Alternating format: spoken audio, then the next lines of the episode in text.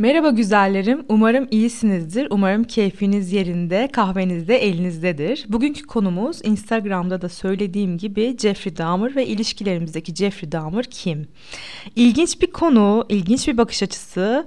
Benim için de çok keyifli bir bölüm olacak. Ben psikolog ya da psikiyatrist değilim biliyorsunuz. Sadece kendi perspektifimden bazı gözlemlerimi size aktaracağım.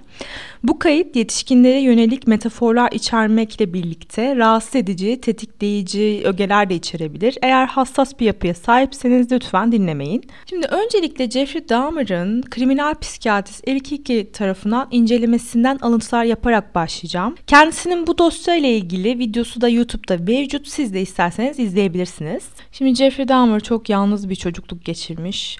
Anne babası depresyonla mücadele eden insanlar ve birbirleriyle de sürekli kavga halindelermiş. Sonra da siz de biliyorsunuz boşanmayla sonuçlanmış evlilikleri. Boşanmadan sonra Jeffrey daha 17 yaşındayken annesi diğer kardeşini de alıp Jeffrey'i terk etmiş.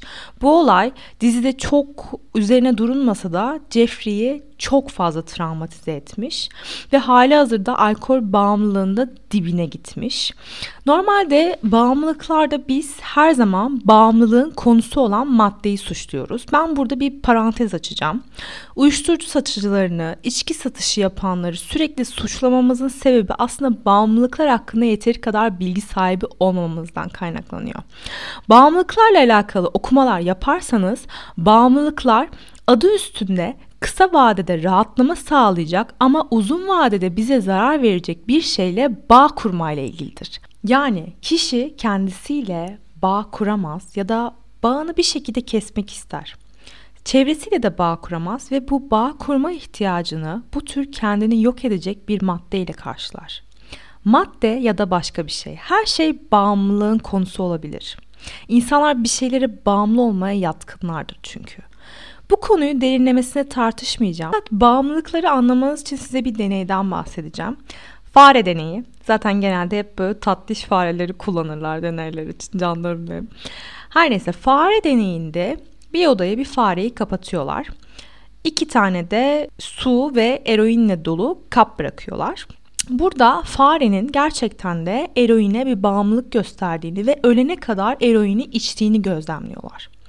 Şöyle bir sonuç çıkarıyorlar. Evet eroin bağımlılık yaratan ve öldüren bir şey. Aslında bağımlılıklarına sebebi gibi. Sonra şunu fark ediyorlar. Fareyi yalnız bıraktıklarını ve farenin sosyal bir ortamda nasıl bir davranış sergileyeceğini görmek istiyorlar. Bu yüzden fareyi bir sürü farenin olduğu, böyle farenin takılabileceği araçların da olduğu, istediği kadar böyle cinsellik yaşayabileceği bir ortama sokuyorlar.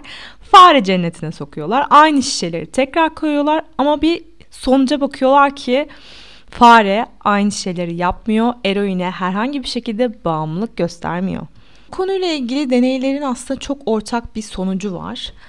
Yani ne kadar yalnız, ne kadar çevrenizden izole, bağ kurma sorunlarınız varsa o kadar bağımlılıklara yatkın oluyorsunuz. Her neyse şimdi Jeffrey'e dönelim. Jeffrey de yalnızlığa terk edilmiş. Her ne kadar babası işte onun çok utangaç, içine kapanık bir çocuk olarak tanımlamış olsa da Jeffrey böyle çok sosyal olduğunu, arkadaşlarıyla çok iyi olduğunu falan düşünüyor. Aslında normalde kafası iyi olduğu için bence öyle hatırlıyor o zamanları. Bence hatırlamıyor bile. Ya da nasıl görmek istiyorsa o şekilde görüyor. Çevresi tarafından garip şakalar yapan sahte epileptik nöbetler geçiren, böyle anlamsız bir ilgi çekmeye yönelik davranışlar gösteren, aslında bağ kurmayı, sosyalleşmeyi, insanlara nasıl davranacağını bilmeyen bir yapıya sahip ve bir de ortada eşcinselliği var. Eşcinsellik o zamanlar daha büyük bir tabu toplumda ve aslında varlığı da yok sayılıyor Jeffrey'nin. Jeffrey çocukken de hayvanlar üzerinde anormal deneyler yapmaya başlıyor. Doktor bunu şu şekilde yorumluyor.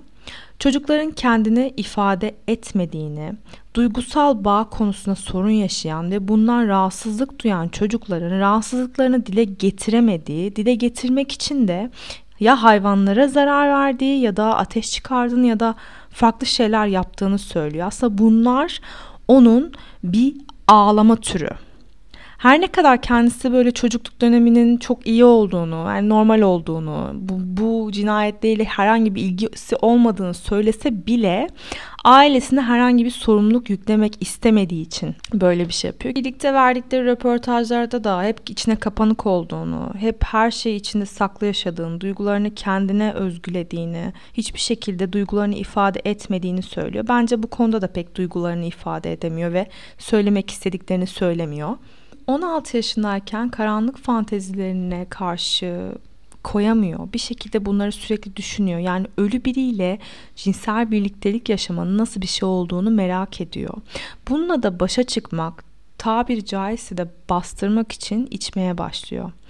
Bilinçsiz biriyle birlikte olma arzusu aslında bu. Bu tıp biliminde parafili olarak geçiyor ve anormal cinsel arzuda bulunma durumu demek oluyor parafile. Detaylarını istiyorsanız Google'a yazabilirsiniz. Parafilinin çeşitleri de var çünkü. Doktor buna şu şekilde yorum yapıyor. Hepimizin cinsel varlıklar olduğunu, Jeffrey'in vücuduyla barışık olmadığını, reddedilme korkusunun yoğun olduğunu, bu yüzden de seçtiği kurbanları aslında ekstrem şekilde kontrol etme arzusu olduğunu söylüyor. Bu arzunun da en ekstrem halini kurbanlarını öldürerek tatmin ettiğini söylüyor. Çünkü ölü biri aslında kendisini nasıl reddedebilir? Gerçekten çok korkunç ama bir o kadar da böyle ilgi çekici bir olay. Ben çok etkilendim. Jeffrey'nin annesi oğlu için şunu söylemiş. Benim oğlum kimseyi incitmek istemedi. Onları öldürdü ama incitmek istemedi. Gerçekten de doğru diyor doktor buna. Baktığınızda kurbanlarını uyuşturduktan sonra öldürüyor. Acı çekmelerini kesinlikle istemiyor. Nekrofillerde %95'inde kurbanlarını acı çektirerek öldürme diye bir şey yokmuş. Sadece ölü olmalarını istiyorlarmış. Ölü birine ihtiyaç duyuyorlarmış. Acı çeken birine değil. Bu yüzden Jeffrey'e de aslında psikopat değil sosyopat diyor. Sosyopatların hala duygularının olduğunu, psikopatlar gibi sadist ve empatiden yoksun manipülatif olmadıklarını söylüyor. Ünlü insanlarla olmasının sebebi de onlarla rahat olması. Bağ kurmakta güçlüğü, yeteneksizliği, özgüvensizliği, reddedilme, terk edilme korkusu bunların birleşiminde de kendisini sadece ölüyle hayal edebilmesi sonucuyla sonuçlanmış. Peki şu soruyu da soruyorlar. İlk kurbanından sonra 10 sene boyunca öldürmemiş. Bu aralıkta bu adam ne yapmış diye. Annesi Jeffrey'in genç ve yapıcı erkeklerin trafik kazalarında ya da başka bir sebeplerle ölümünde cenazelere gittiğini, cenaze sonrası cesede ulaşmak için kazılar yaptığını ve kaç kişiyle birlikte olduğunu bilmediğini söylüyor. Daha sonra fantezilerini bastıramıyor Jeffrey ve kendi istediği tabiri caizse avladığı erkekleri öldürüyor. Doktor burada şunu ekliyor. Jeffrey onları anında öldürmüyor. Belirli bir zaman geçiriyor. Fakat gitmeleri gerektiğini söylediklerinde öldürmek istiyor. Onları ömür boyu yanında tutmak istiyor. Böyle dizide bir tane Tony vardı. Tony karakteri. Hepimiz daha çok üzülmüştür belki. Ben daha kötü etkilendim ondan. Çünkü kendisi işitme engeline sahip ve aşk yaşıyorlardı aslında Tony. Ne zaman Tony gitmek istediğini söyledi o zaman Jeffrey maalesef Tony'yi katletti. Gelelim kurbanları yeme meselesine. Burada doktorun şöyle bir yorumu var. Biriyle yakınlık hissetmek istiyor. Ölmüş olsa bile seçtiği parçaları kendi parçası haline getirmek istiyor. Bu yüzden bunu yapıyor. Bu da kontrol etmenin bir başka şekli. Aynı şekilde zombi yapması da böyle. Çünkü iradesini yok ediyor karşı tarafın. Yani canlanıyor ama hiçbir şekilde insana benzemiyor aslında. Yine bir ölü. Bazı kültürlerde de aslında kanibalizm varmış ama bunlar cinsellikle genelde alakasızmış. Jeffrey'nin dosyasında cinsel birleşenin olduğunu, bu birleşenlerin en önemlisinde kan olduğunu söylüyor. Kan da aslında parafili grubuna giriyormuş. Böyle üç organlar, penis, bu şekilde vücutlarını keşfediyormuş aslında Jeffrey ve röportajlarında da bahsediyor, bahsediyor kendisi de böyle hep güçlü, güzel görünen, seçtiğim erkekler. Aslında onları yiyerek bir şekilde kendine güç kattığını, güçlü hissettiğini düşünüyor. Şimdi Jeffrey'nin kötü biri olup olmadığını soruyorlar doktora. Jeffrey kurbanları için hiçbir zaman kötü hissetmiyor ama kendi içerisinde ölü tarafı fark ediyor ve karanlık bölgeye geçiyor. Bu dürtüsünü kontrol edemiyor. Fakat kötü şeyler yapsa da Jeffrey kötü biri miydi? Bu konuda kompleks cevaplar veriyor doktor. Jeffrey annesiyle hapishanedeyken telefonda konuşuyor. Artık hapiste olmak istemediğini ama sokaklar içinde tehlikeli olduğunu söylüyor. 3 hafta sonra da başka bir mahkum tarafından öldürülüyor. Burada doktor şöyle bir yorum yapıyor. Jeffrey saldırıya uğradığında bir rahatlama hissetmiştir. Çünkü zaten hayatının acınası ve zavallı olduğunu düşünüyordu. Hiçbir şekilde karşı koymadı ama karşı koyabilirdi diyor. Zaten yakalandığında da mahkemede de ölümü hak ettiğini beyan ediyordu Jeffrey. Aslında ölmek istiyor. Çünkü yaşamak için herhangi bir amacı yok, bir nedeni de kalmadı. Jeffrey gerçekten kendisini ifade edemeyen, bazı açılardan çok üzücü, trajik, kimseye başvuramayan bir insan. Yani yapsa bile bir şeyleri kimse görmüyor yani. Düşünsene yokluk pelerini içerisindesin ve senden kimse şüphelenmiyor bile. Bu arada kendisi hakkında çok self awareness'a sahip böyle kendini biliyor. Mesela ben her türlü hastalığa sahip olabilirim ama ırkçı değildim diyor. Doktora neden siyahi insanları seçtiğini soruyorlar. O da şüphe çekmemek içindir. Ama bu konuda çok da emin değiller. Şimdi aklınıza şöyle bir soru gelmiş olabilir. İnsanlar katil mi doğarlar, sonradan mı katil olurlar? Doktor burada kimsenin bir sabah kalkıp ben seri katil olacağım demediğini söylüyor. Gerçekten de gökten inmiyorlar, uzaylı da değiller. Fakat şöyle, evet Jeffrey'nin ailesinde genetik problemler olduğu çok açık. Genetik miras çok önemli. Fakat genetik miras silahı dolduran şey, tetiği çeken şey ise yetiştirilme ve kendini yetiştirme.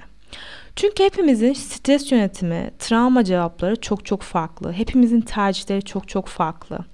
Yani bir şekilde tercih etti bu yolu. Merakla bekliyorsunuz. Bu abla bize bunları niye anlattı? İlişkilerimizde ne alaka falan diye.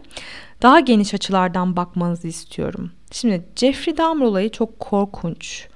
Fiziksel dünyada olabilecek korkunç bir seri cinayet dosyası ama bu hayat hikayesinde ve ilişki dinamiklerinde de kendimize çıkaracağımız dersler var diye düşünüyorum.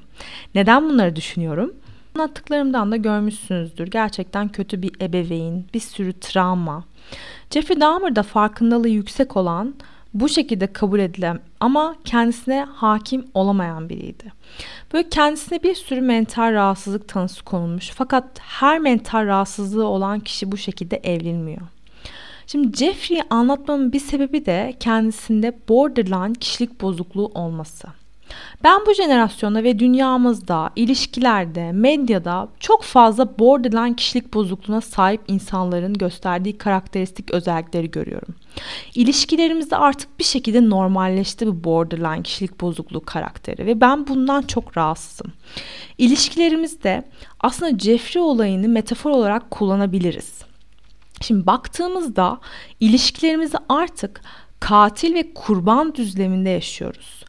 Reddedilme ve terk edilme korkusu yaşıyoruz ve bunu çok ekstrem bir halde yaşıyoruz. Terk edildiğimizde karşı tarafı manipüle ederek bir şekilde manipüle etmek de bir silahtır. Ona manipülasyonu dayıyoruz, silah çekiyoruz ve onun kalbini yemek istiyoruz. Bazen de biz kurban olup başkasının bizim kalbimizi yemesine müsaade ediyoruz. Terk edilme sonrası sürekli ihanet ettiğimiz kendimize, tahammül edemediğimiz kendimizle baş başa kalmak bizi mahvediyor. Ayrılık sonrasıyla biraz da bu yüzden baş edemiyoruz. Terk edilmekten ve yalnız kalmaktan da bu yüzden bu kadar çok korkuyoruz. Kendimizle bağ kurma sorunlarımız bizlerin de var. Bizlerin de derin olmasa da, görünür olmasa da bir çeşit bağımlılıklarımız var. Hepimizin ailevi sorunları var. Hepimiz stres yönetimlerimizde belirli tercihlerde bulunuyoruz. Bazen tercihlerimizi beğenmiyoruz, pişman oluyoruz. Ama yalnızlık gerçekten günümüzde de çok büyük bir problem. Belki siz fiziksel dünyada birini öldürmüyorsunuz ama duygusal anlamda katliamlar yapıyor olabilirsiniz veya katliama kurban gidiyor olabilirsiniz.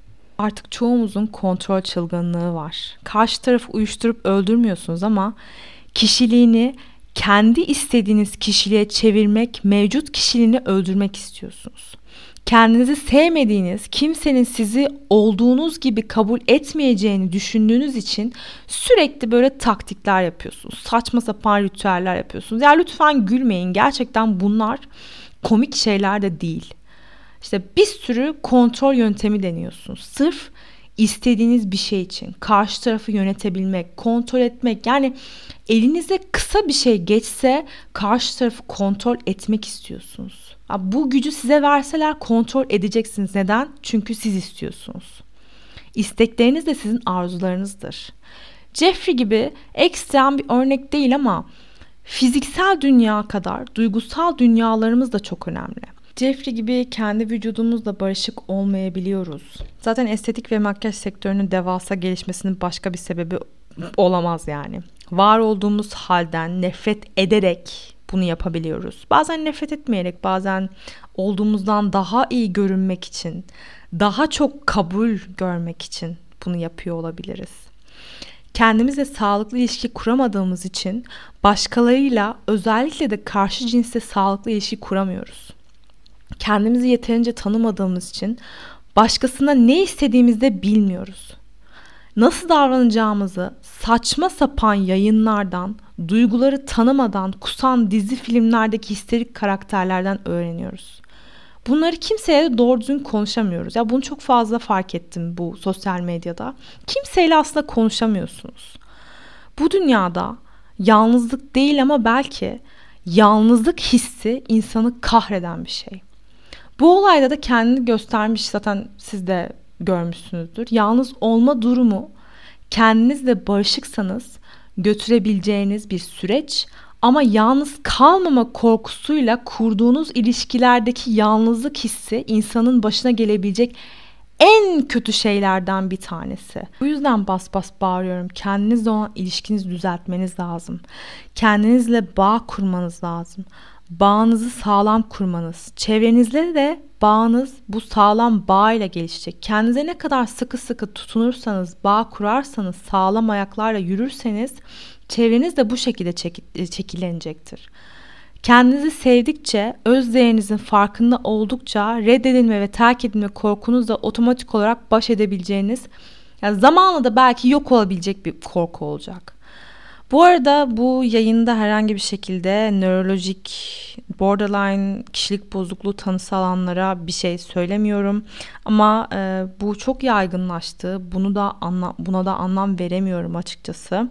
Umarım daha iyi oluruz. Umarım bu hastalıkla da başa çıkabilirsiniz. Bilmiyorum ama ben böyle bak baktığımda borderline'ım işte ben her şeyi yapmaya hakkım var tarzı bir davranış biçiminde kabul etmiyorum. Kimse bütün yaptığınız kötülüklere karşılık size iyi davranmak ya da sizi anlayışla karşılamak zorunda değil. Bunun farkında olup buna göre bir tedavi olmanız gerekiyor.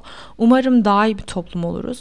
Böyle bir örnek vermek istedim. Jeffrey Dahmer olaylarını metafor olarak kullanmak istedim. Çünkü aslında hayatta her şey çok benzerdir. Tabii ekstrem bir durum, çok korkunç bir durum ama bizim hayatımızda da bazı şeylere benziyor aslında. Ben bunu fark ettim çünkü hani izlerken de bunu fark ettim. Umarım katkıda bulunmuşumdur. Instagram adresimi aşağıya yazıyorum. Orada daha interaktifim. TikTok'u artık bırakmak zorunda kaldım. Çünkü keşfete düşemiyorum. Ben olabildiğince fazla insanla iletişim kurmaya çalışıyorum. YouTube ve e, Spotify'dan beni takip edebilirsiniz. Sizi seviyorum.